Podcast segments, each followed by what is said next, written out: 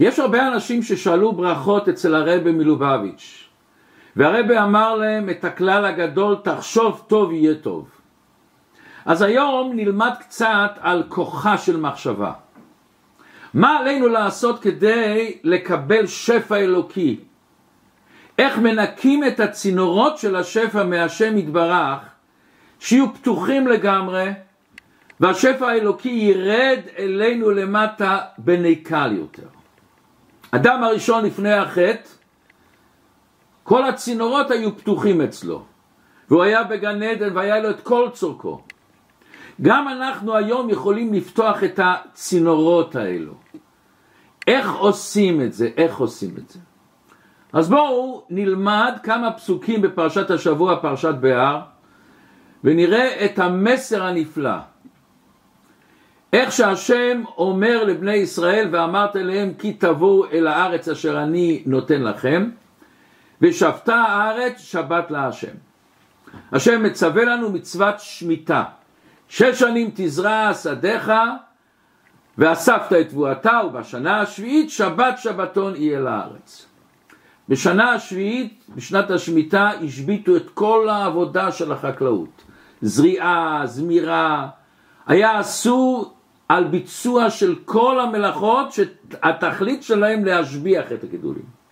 ולא רק זה, צריך להפקיר, אדם הפקיר את כל השדה שלו, את כל העצים שלו, וכל אחד לא עבד את הקרקע וכל אחד יכול לבוא ומוזמן לאכול את האוכל. בשנת השמיטה מי מזין את העם? השם מזין. זה אותם הגידולים שהשם הצמיח אותם וזה שלו. אז השם רוצה שנחזק את הביטחון בבורא העולם. אז השם אומר, אני דואג לפרנסה שלכם, גם כשאתם לא עובדים. וזה מערער על הבעלות האנושית של האדם שנדמה לו שהוא הבעלים על האדמה. והשם אומר, מחלקים לכולם אותו דבר. בעצם זה מתבסף על מה שהגמרא אומרת בהסנהדרין, למה ציווה הקדוש ברוך הוא על השמיטה? ענה לו רבי, אב, רבי אבוה, אמר הקדוש ברוך הוא לישראל, תזרעו שש ובשנה השביעית שמיטה כדי שתדעו שהארץ היא שלי, זאת אומרת שהקדוש ברוך הוא, הוא קשור לנו בכל פרט ופרט בחיים שלנו. וזו מצווה מיוחדת במינה ולנו בזמננו קשה לתאר את זה. שאדם מפקיר את כל השדות שלו ואת כל העצים שלו. אבל מעניין גם היום, אפילו היום שהשמיטה היא לא כזאת שמיטה של כל כלל ישראל, יש אנשים שרואים את זה ויש סיפורים נפלאים לראות את ההשגחה הפרטית, איך שלאנשים האלה יש שפע. מה שנראה לנו כאילו התאבדות לדעת, אין לי מה לאכול, ופתאום רואים שיש מה לאכול. וכאן רואים שהתורה מן השמיים. השם מבטיח לנו לפני אלפי שנה שבשנה השישית יהיה לך שפע עצום שישלים את כל החיסרון שיהיה לנו. מישהו בשר ודם מסוגל להבטיח את זה לדורות כזה דבר? והשם הבטיח וזה רואים בחוש כמו בהרבה דברים אחרים שהתורה מן השמיים. יש פה דבר ייחודי שאין בכל התורה כולה. דבר ייחודי שהשם אומר איך לפתוח צינורות חדשים. איך לפתוח צינורות חדשים להורדת שפע בעולם. אבל בואו היום נראה מה, ש, מה שמוסבר בספר נועם אלימלך לרב אלימלך מליזנץ. הוא היה חי בשנת התע"ז עד כ"א באדר התקמ"ז. והוא מוסר תורה בשם אח שלו רב זושה, שני צדיקי גדולי עולם, והוא מספר, כותב בספר שלו, את מה שהוא אומר. וכאן הוא שואל שאלה עצומה. בפסוק כתוב, בפרשת השבוע, וכי תאמרו מה נאכל, אם תשאלו אותה, אם נשאל שאלה מה נאכל בשנה השביעית, השם אומר, וציוויתי את ברכתי לכם. שאומר, אל תדאגו, אני אתן לכם ברכה. שואל רב זושה, ויש לדקדק. למה התורה פה עושה דבר שאין בכל התורה כולה. בכל התורה כולה אין כזה דבר דרך שאלה ותשובה. אם תשאלו אני אענה לכם. השם מלכתחילה אומר מה שהוא רוצה שיהיה ומה שיהיה באמת. אין אות אחת מיותרת בתורה. למה צריך לשאול ולענות? השם יכול לומר וציוויתי את ברכתי לכם בשנה השישית, שיהיה לכם שפע עצום. למה זה כתוב בצורה של קושייה ותירוץ? אם השם היה אומר מיד וציוויתי את ברכתי, אני יודע ממילא שאין את השאלה. התורה הייתה יכולה להסתפק רק בברכה, פשוט בברכה שככה זה יהיה.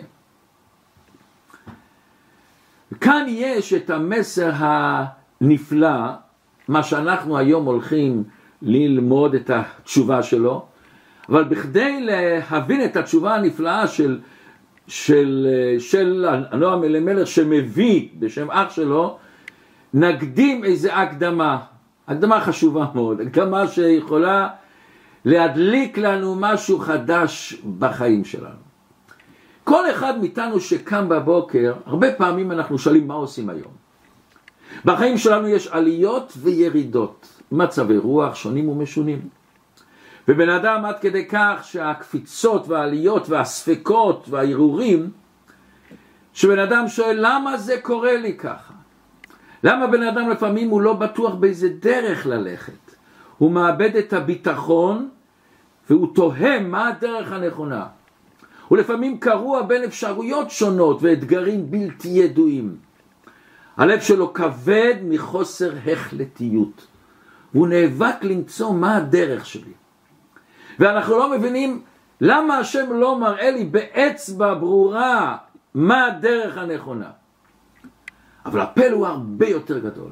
כשאנחנו מתבוננים בכל הנבראים בעולם, אנחנו עומדים ומשתוממים איך שהם פועלים בלי שאלות ופקפוקים. הם עסוקים כל הזמן, יש להם תוכנית מסודרת בחיים. הבורא תכנן אותם בדיוק כפי השליחות שהם צריכים להיות בעולם. מה לנו יותר מהרמב"ם? הרמב"ם בהתחלת ספר הרמב"ם, שאנחנו כולנו מכירים, שעכשיו התחילו ללמוד שוב פעם את ספר הרמב"ם, אומר הרמב"ם, הקל הנכבד והנורא מצווה לאוהבו וליראה אותו, שנאמר ואהבת את השם אלוקיך. איך היא הדרך לאהבתו ויראתו? אומר הרמב"ם, יש לנו מצווה, בשעה שהתבונן האדם במעשיו, וברואיו הנפלאים הגדולים, ויראה מהם חוכמתו שאין לה ערך ולא קץ, מיד הוא אוהב ומשבח ומפאר ומתעוות אהבה גדולה לידע השם הגדול. כמו שאמר דוד המלך, צמה נפשי לאלוקים לקל חי.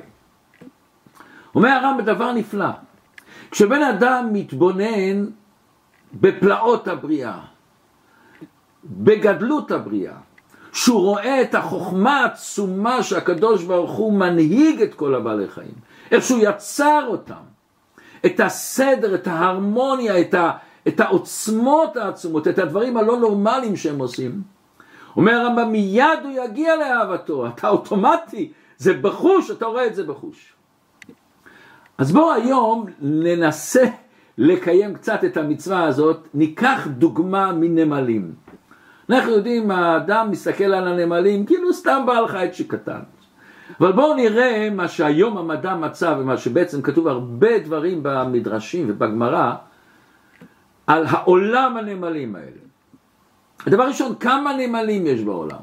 המדע היום לא יודע בדיוק, אבל איך שהוא מעריך שלכל בן אדם שחי בעולם יש לעומתו שתיים וחצי מיליון נמלים. זאת אומרת, סך הכל זה עשרים ועוד חמש עשרה אפסים. ויש אומרים שזה אפילו הרבה הרבה יותר. הנמלה הקטנה הזאת עושה דברים חשובים ונפלאים בעולם שלנו. בלעדה החיים שלנו היו בעייתיים עד מאוד, אנחנו לא מעריכים, לפעמים בן אדם קשה לראות בן אדם פשוט דורך על נמלים, מה הם עושים פה? אבל הם משנים לנו את העולם. דבר ראשון, אוורור של הקרקע. הנמלים חופר, חופר, חופרים, חופרות מנהרות באדמה וזה עוזר לאוורור הקרקע ומשפר את ה... להוציא את הלכלוך של הקרקע. זה מועיל לצמיחת הצמחים מכיוון שהאוויר נכנס והמים וחומרי ההזנה האחרים מגיעים לשורשים. עוד דבר הנמלים מפזרים זרעים, הם עוזרים לפזר זרעים על ידי שהם סוחבים אותם למקומות אחרים. ולחלק מהנמלים יש דבר נפלא, קשר עמוק עם צמחים מסוימים. הם ניזונים מהצוף של הצמח, ובתמורה הם עוזרים לו לפזר את הזרעים שלו ולגדול יותר טוב. עוד דבר, הם טורפות חרקים ומזיקים. יש להם שליטה עצומה בחממות שהם עלולים לפגוע ביבולים בצמחים. המדע אומר שהם עושים איזון אקולוגי נפלא. על ידי הוויסות של האוכלוסיות של האורגניזם האחרים. והם נותנים תרומה עצומה לבריאות של כל המערכת. הם יוצרים אוכל לנו ולבעלי חיים אחרים, והם מהוות חלק חשוב משרשרת המזון על ידי השבחת הקרקע. כתוב במשלי, אשר אין לה קצין, שוטר ומושל. הנמלים בונים בתים עצומים. הם, יש הנמלים שבונים בתוך אדמה, יש מעל אדמה, יש בתים שמעל מטר, יש בתים שמעל מעל אורך של שלוש מטר. איך הם יוצרים את זה? הם יוצרים את זה בהרמוניה שלמה, בלי מנהל ומכוון אותם. ההצלחה זה לא רק בזכות היעילות היחסית של כל פרט, הם עובדים בזריזות עצומה, אלא בעיקר בזכות שהם מתפקדים כולם ביחד, כל המערכת. הם עובדים בהרמוניה שלמה, בלי שיעברו קור, איזה קורס בבנייה, או קורס בעבודת צוות. בארמון שלהם הם אוגרים מזון, הם צריכים לחורף, אז בקיץ הם אוספים, והם אוגרים את זה, שמים את זה בבית, הם בונים בכוונה את הבית בצורה של כמה קומות, הם שמים את זה במקום שהרטיבות מהגשם או מהאדמה לא תוכל לבוא באמצע. אם נאמר איזהו חכם הרואה את ההולד, זה הם עושים, הם, הם עושים את הבנייה הזאת. בכל חדר יש חדרים, ובכל בית בארמון שלהם, בבתים שלהם, יש המון חדרים, יש מעברים פרוזדוריים ויש חוקי תנועה מיוחדת. מתי הם הולכים ומתי הם הולכים. ביפן מצאו מושבה, תשמעו מה זה, מושבה של 306 מיליוני נמלים, ויש בהם 45 קינים בודדים, ובכל כן וכן זה מחולק סדר למופת. אם נשווה את המספרים האלה לאורך נסיעת ארצות הברית, יש שם 320 מיליון ב-20 אלף ערים, כפרים ועיירות. והם עושים את זה בלי פרסים, בלי מחמאות, בלי שהממשלה או המלך מאיימים שאתם צריכים לעבוד אם לא תקבלו, תקבלו עונש. בא המדרש ואומר הם מאוד ישרים. אם נמלה אחת הלכה והשיגה איזה גרגיר קטן של לחם, שנפל מנמלה אחרת, היא לא נוגעת בו. כל אחד יש לו סימן לאיזה נמלה הוא שייך. כל פירור לחם יש בו את הריח שלו של הנמלה, והנמלה השנייה מזהה בדיוק את הריח שזה לא שייך לה, זה שייך למישהו אחר. ואומר המדרש מעשה בנמלה שהפילה חיטה אחת והיו כולם באות ומריחות ולא הייתה אחת נוטלת. אחת נוטלת. עכשיו יש עוד שאלה עצומה. הנמלה הקטנה הזאת שבסוגריים היא סוחבת מסע עצום פי חמישים מהמשקל שלה. זאת אומרת, כמו שנחשוב שאנחנו היינו סוחבים משאית עלינו. עכשיו, היא לא משתמשת בתחבורה, אין לה אוטובוסים, היא הולכת לאט, כמו שאנחנו מכירים, היא לא לוקחת איתה צידה לדרך בזמן שהיא הולכת לאסוף פירורים קטנים של לחם. הטווח הליכה שלה לפני שהיא גוועת ברעב זה 200 מטר. אבל היא מריחה פירור, פירור של לחם. היא יכולה להגיע לפירור בקומה התשיעית, איך היא מצליחה? מכיוון שהיא מוצאת לה כל מיני שבילים במאוזן, במאונח, בכדי להגיע דרך הכי קצרה יכולה להגיע. עכשיו, איך היא מזהה את הדרך? איך היא מזהה את זה? דבר ראשון, יש לה חוש ריח מצוין. מהחושים היא אוספת כל הזמן את חלקקי הריח, והיא מניעה את החושים שלה, והיא יכולה לגלות מאיפה הריח הגיע. עצום. זה אפשרות, זה דרך אחת. יש לה, יש לה מאוד עוד אנטנים, אנטנים שהיא מתקשרת וקולטת דרכים מסוימות איך להגיע. וברגע שהיא תפסה את אותו פירור, היא צריכה לחזור הביתה. יש לה מבצע ניווט נפלא, היא מנווטת לפי מה? לפי או כיתוב אור השמש, או לפי השדה המגנטי של כדור הארץ, שאנחנו עוד לא מסוגלים לעשות את זה, אין לנו שום מושג איך עושים את זה. והנמלים האלה באופן, באינסטינקט שלהם, סופרים באופן אוטומטי את הצעדים שלהם, מודדים זווית שעשו פנייה, עורכים חישובים מסובכים בכדי להחזיר את אותו נמלה בחזרה לקן. אוקיי? איך כל הנמלות, אנחנו רואים את השבילים העצומים של מאות אלפי נמלות שמגיעות. הנמלות יודעות להפיק ריח ולפזר את הריח בדרכם מהפירור אל הקן או בחזרה. וכשהנמלה חוזרת הביתה עם הפירור היא משאירה נתיב של ריח. וזה מדליק את כל החברות שלה, ריח, אה, יש פה ריח של אוכל. יש ריחות שהיא מפרישה כשאין אוכל שהיא לא מצאה, יש ריחות שהיא מפרישה שיש אוכל. יש ריחות שהיא מפרישה בזמן שיש אויבים שבאים לקן חלילה לכבוש את הקן. יש לה המון סוגי ריחות וכל אחד היא עושה את הריח. הריח הזה שהיא רוצה לרמז שיש אוכל, אומר יש אוכל בהמשך. אבל איך הם ידעו את הפירוש של האוכל, איפה הוא נמצא? הריח נמצא בכל, בכל, בכל הדרך. משהו עצום. הנמלה השנייה מסוגלת להבחין בין ריח טרי וריח ישן יותר. והיא מחפשת דווקא את הריח הישן, מכיוון שהריח הישן בא מהזמן שהנמלה הגיעה לאותו פירור, והיא לא חזרה בחזרה.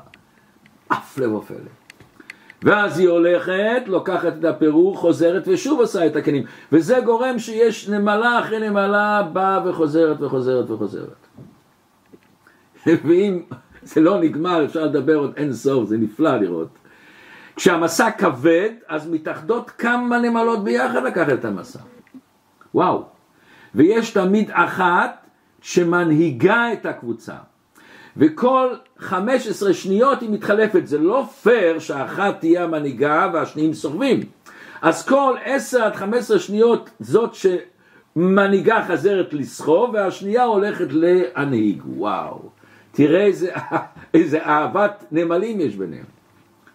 ויש ביניהם הסכמה נפלאה על הכיוון, לאיפה להגיע. עכשיו יש עוד דבר מעניין, נמלה יחידה לא מחפשת את, את, את, את הדרך הכי שטוחה אלא הדרך הכי קצרה. מכיוון שגם אם יש איזה הרים, לפי המושגים שלה, איזה גבעות, איזה אבנים, היא יכולה לעלות עליהם. אבל הנמלה שהיא קבוצה שלמה, היא לא יכולה, קבוצה שלמה לא יכולים את הפירור הגדול הזה לסחוב. אז היא מחפשת מסע, מסע אחר.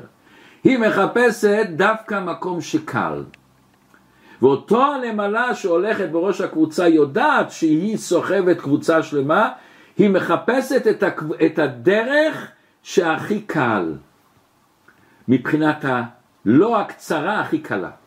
ועשו בדיקה מעניינת, יש קיר שיש פתח צר שמאפשר רק לנמלה אחת לעבור ושאותו המורה דרך מגיעה לשם, רואים שהיא אפילו לא מנסה להתקרב, היא מיד עוקפת את זה, מיד עוקפת את זה.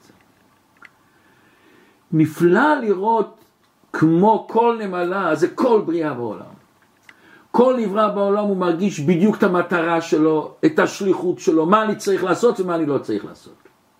וכולם מנגנים ניגון אחד עצום, ניגון אחד נפלא. יש לנו את הפרקי שירה, איך שכל בעל חי מנגן, כל בעל חי שר, שר לקדוש ברוך הוא. אין להם מצבי רוח, הם יודעים בדיוק מה שהם עושים. אבל מה איתנו? אנחנו מרגישים מסובכים, מצבי רוח שונים, לפעמים מרגישים אומללים ואין לנו תקווה שהדברים יסתדרו בכלל. יש לנו מחשבות שמחלישות אותנו.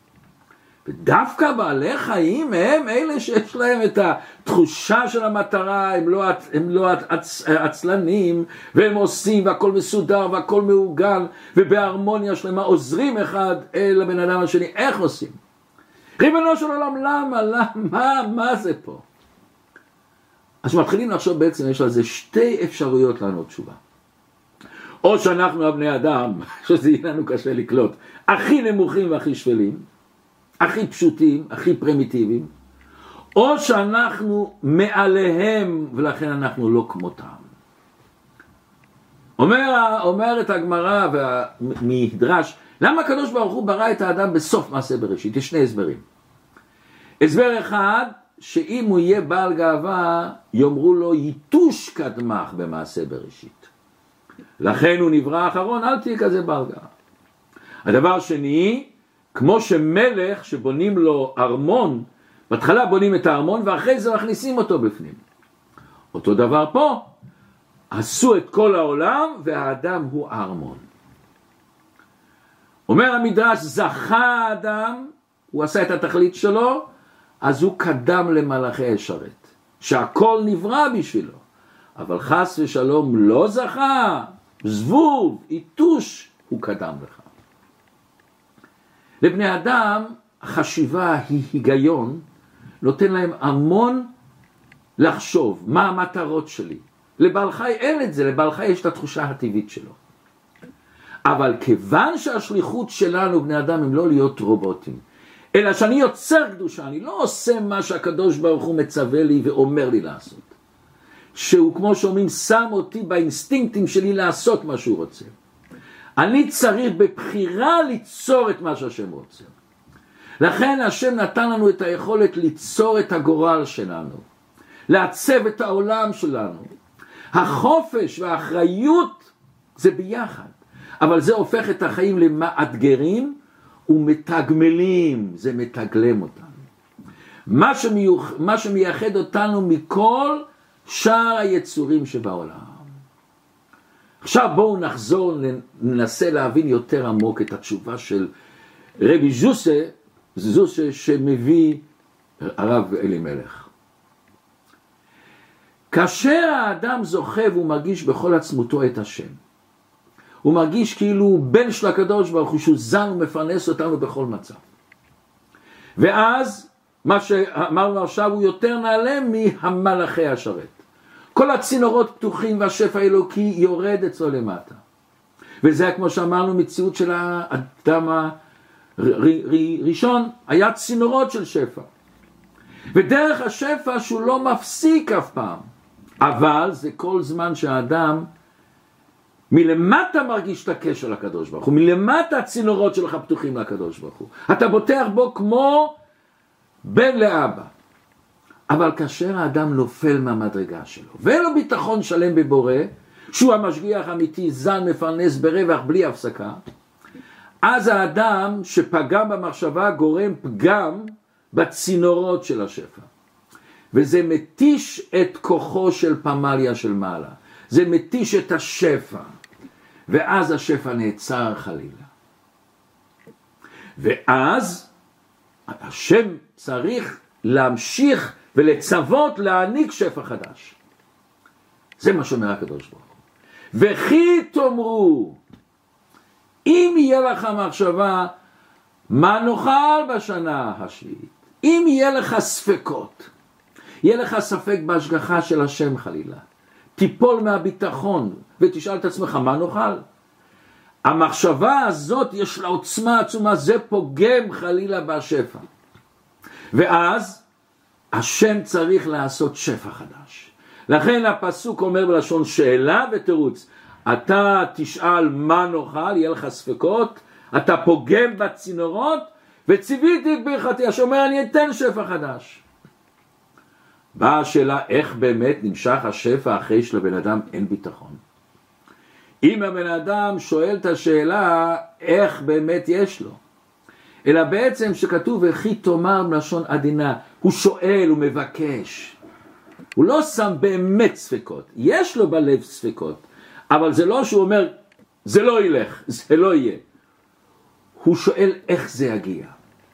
ובגלל שהוא מקיים את מצוות שמיטה, בגלל שהוא עושה את המצווה הזאת, גם אם חסר לו קצת בביטחון, וגם אם חסר לו קצת באמונה, זה חשוב אצל הקדוש ברוך הוא להשפיע שפע חדש. ובואו נקרא ביחד מה שהמגיד ממזריד, זה שהמשיך את הבעל שם טוב הקדוש. בספר מגיד דבריו ליעקב עוד קפ"ח, מה שהוא כותב.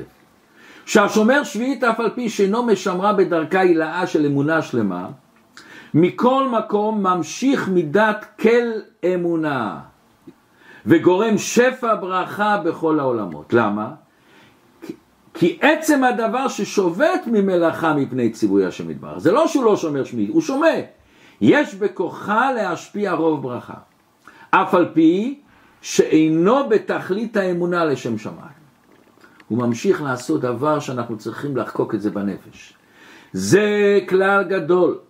כשיבוא לאדם איזה מצווה במחשבה, לא לעשותה משום יוהרה, משום גאווה או משום איזה פנייה, כי אני עושה לא לשם שמיים. אומר המגיד מתוך שלא לשמה בא לשמה כי גם במעשה מצווה אפילו שהיא לא לשם שמיים לגמרי יפעל למעלה כלי ובמחשבה נעשית למעלה פנימיות הכלי. זה מה שהתחלנו בהתחלה, תחשוב טוב יהיה טוב. המחשבה שלנו יש לה עוצמה עצומה. המחשבה שלנו לא רק עוצמה לבן אדם, זה כל אחד מכיר לבד בחיים שלו, שברגע שאני חושב טוב, אני מקבל אנרגיה, מקבל חיות, מקבל התלהבות. זה כל אחד מרגיש, שיש לנו לפעמים איזה מצב רוח, איננו טוב, תמיד אומרים לנו, תנסה לדמיין לעצמך איזה הצלחה שעשית, איזה מצב רוח טוב שהיה לך, והמחשבה פועלת מאוד מאוד על הבן אדם. אבל לא רק זה, ברגע שאתה חושב טוב ואתה מאמין בקדוש ברוך הוא ויש לך את הביטחון הפנימי בקדוש ברוך הוא, אוטומטי זה פותח את הצינורות. לכן מה ששאלנו בהתחלה, איך בן אדם יפתח את הצינורות שיהיה לו שפע, אמונה וביטחון בקדוש ברוך הוא. אמונה וביטחון פותחים לך עולם חדש. הוא מסביר המהר"ל דבר נפלא. אל יחשוב האדם כי האדם נברא בטבע שיהיה עמל ועושה מלאכה. אומר המהר"ל שאין זה כך. וכשנברא האדם לא נבראת עמו המלאכה ותיקון בגדיו ובניין בתים. רק בגן עדן היו בלי, בלי דברים אלו. כשהוא נברא, הוא לא נברא איתו המלאכה וכל העבודות שהוא עושה.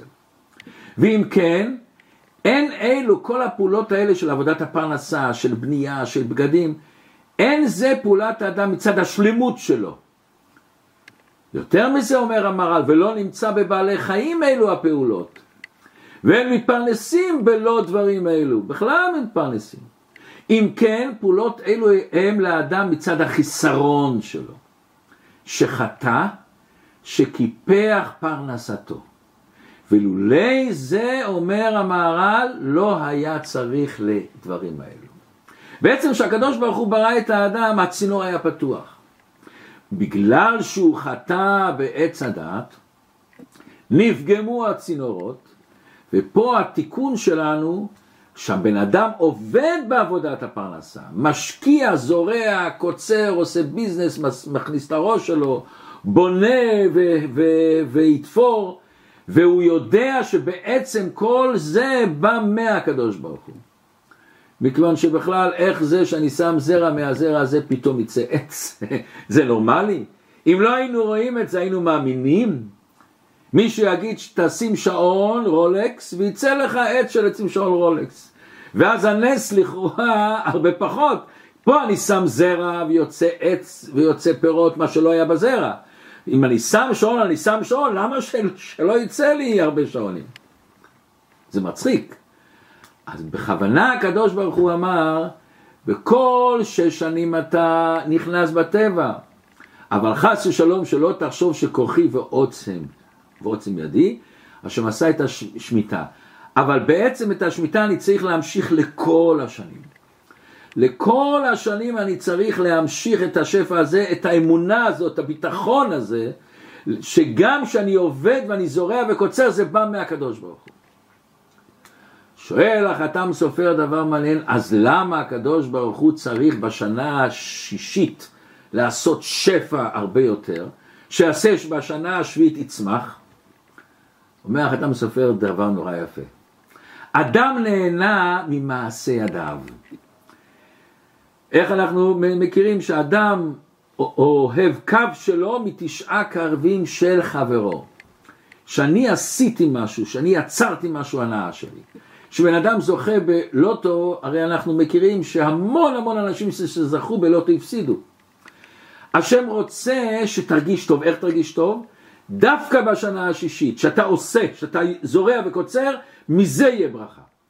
אז הבן אדם ירגיש, זה, זה העבודה שלי. מה שאין כן אם השפע היה בשנה השביעית, שזה הכל בא מן השמיים, בלי זריעה ובלי קצירה, בן אדם היה חסר לו את ההנאה. אז השם רוצה לתת לו את ההנאה בשפע, בברכה, שהוא ירגיש מזה טוב, שהוא גם ייהנה מזה.